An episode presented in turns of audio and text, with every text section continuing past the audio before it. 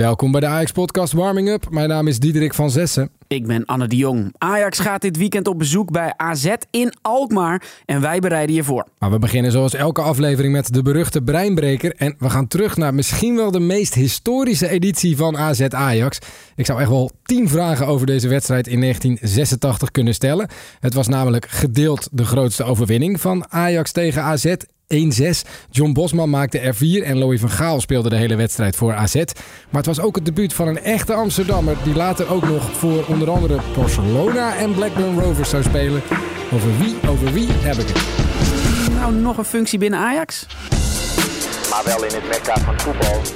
Yes, En in Rotterdam en in Eindhoven. Alles over AZ zometeen. En je hoort ook Jaden Banel over zijn rugnummer. Maar wat een avond, daar moeten we op terugkijken. Eigenlijk wat voor avonden tegen Beude Gleam natuurlijk. Twee keer 90 minuten en een verlenging. En Kenneth Taylor, die uiteindelijk voor Ajax het verlossende doelpunt maakte. Ja, excuses als onze stemmen nog schor zijn dus. Maar we moeten nog een beetje bijkomen. Anne, we hebben de samenvatting ook maar meteen moeten opdelen in tweeën deze keer. Er is zoveel gebeurd. We doen het wel chronologisch. De wedstrijd eh, begon weer moeizaam voor Ajax. Bode Glimt nam het initiatief en creëerde ook kansen.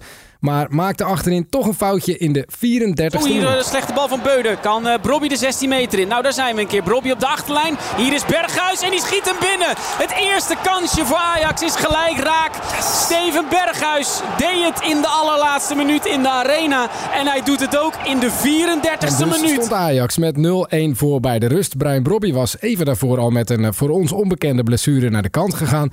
Maar wat er vanaf de tweede helft allemaal gebeurde, ja, daar past echt alleen maar een heel spannend muziekje bij.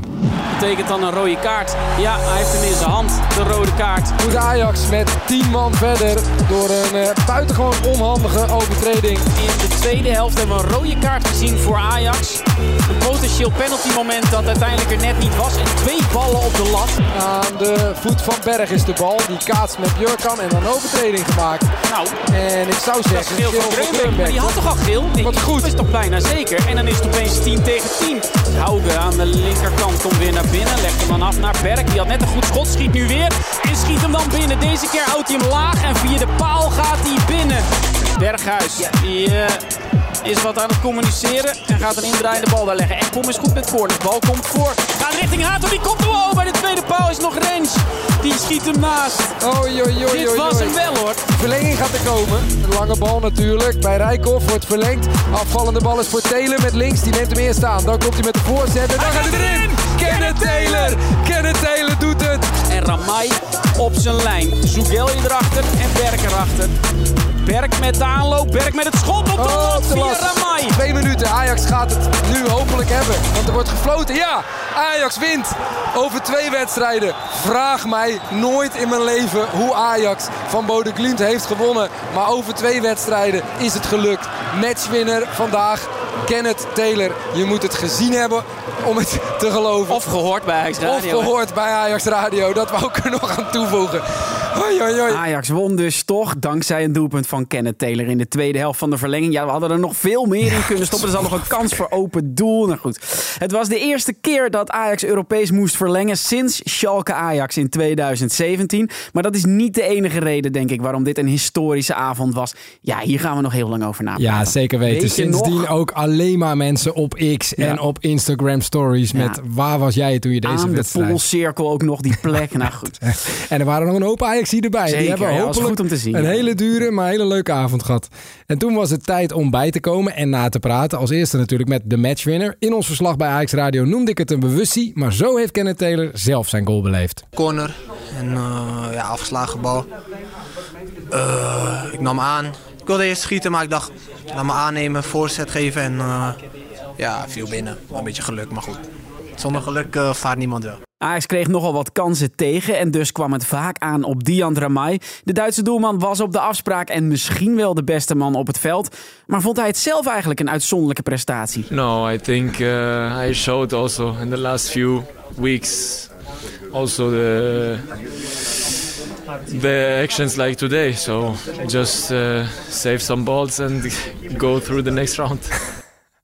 Die is goed, hè? Heel goed. Save some balls and go to the next round. Ik denk dat we de titel voor deze podcast binnen hebben. Ondanks dat de wedstrijd in Noorwegen al om kwart voor zeven werd afgetrapt, werd er dus nog lang nagepraat. Je zou bijna vergeten dat een dag later de loting voor de achtste finales op de planning stond met Ajax in de koker. And the third appearance in uh, the UEFA competition round of 16 in the last four seasons for Ajax.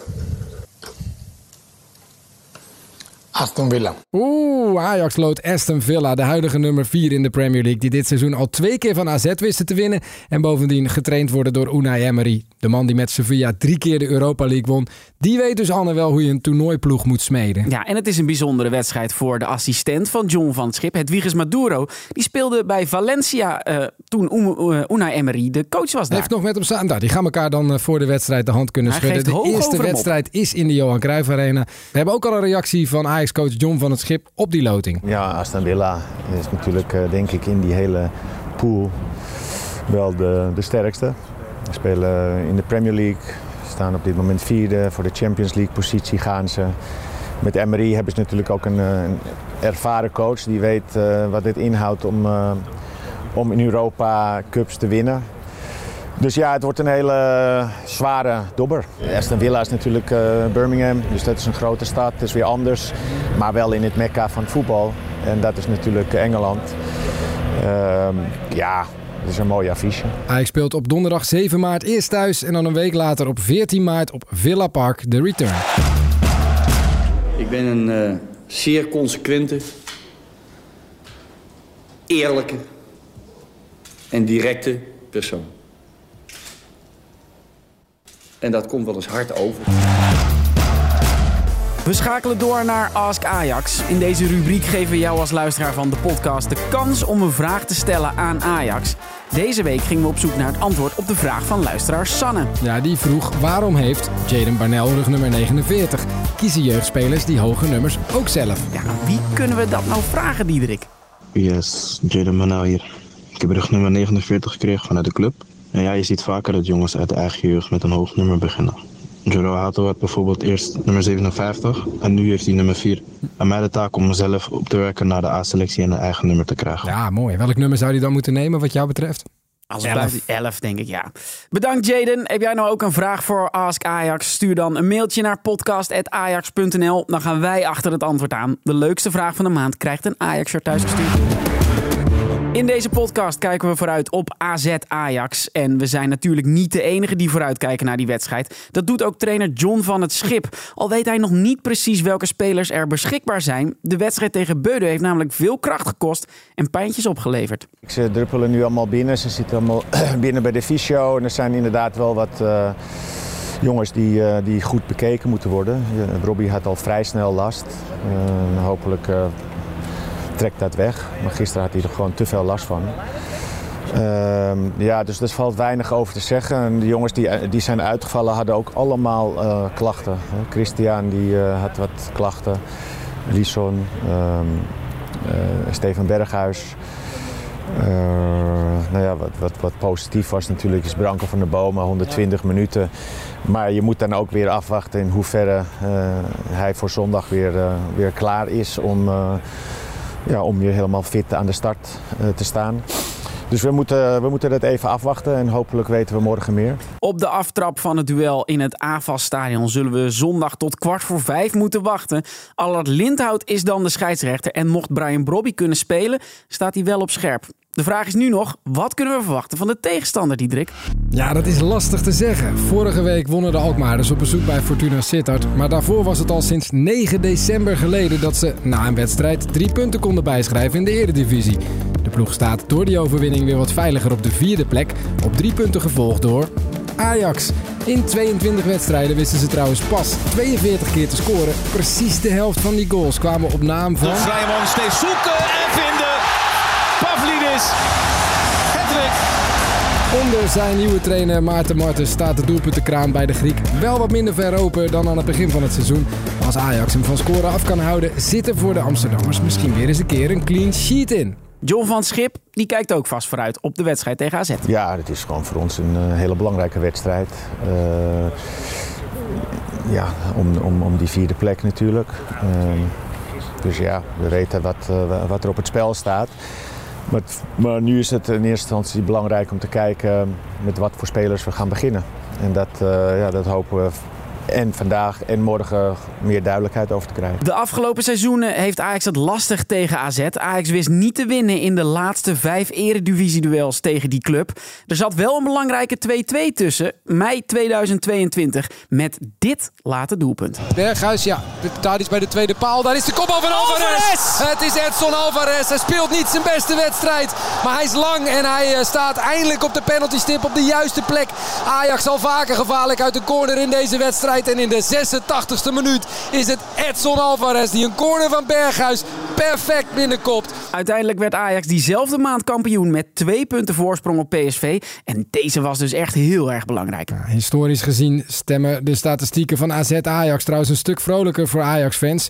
De helft van de 50 ontmoetingen in Alkmaar werden gewonnen. 13 keer eindigde het in een gelijkspel. Dan heb ik ook nog één curieus maar prima statistiekje opgedijkeld. Ajax maakte in de eredivisie twee of meer doelpunten in elk van zijn laatste acht uitduels. Alleen in 2013 en in 2012 was er een langere reeks van opeenvolgende uitduels met minstens twee doelpunten. Dus thuis zou het dan wel zo kunnen zijn dat het 0-0 werd Dat of ze maar één keer scoorden. Maar de laatste acht duels dat Ajax nu gespeeld heeft, heeft Ajax minstens twee keer gescoord. Juist, oké, ik heb hem. En die reeks gaat nog door. Hè? Dus het zou zomaar eh, kunnen zijn dat het nu nog 9 of 10 worden. Zoals het uiteindelijk in 2013 was. In die periodes deden we nog geen verslag van de uitwedstrijden bij Ajax Radio. Maar ik heb eens even in die reeksen gekeken. En uiteindelijk was de allermooiste uitoverwinning hiertussen. Die van Ajax bij PSV. April 2013. Ajax counterde na een 2-3 overwinning. En deed goede zaken in de titelstrijd. Met als matchwinner Eriksen, Boerichter. Oh, die is eh, denk ik sneller dan Pieters. Alleen Pieters die aan de verkeerde kant dekt. Die helemaal niets doet. Gaat zich wel beklagen bij Kuivers, maar die geeft gewoon een goal. Ajax is de grote winnaar van dit competitieweekend. En dat realiseert men zich.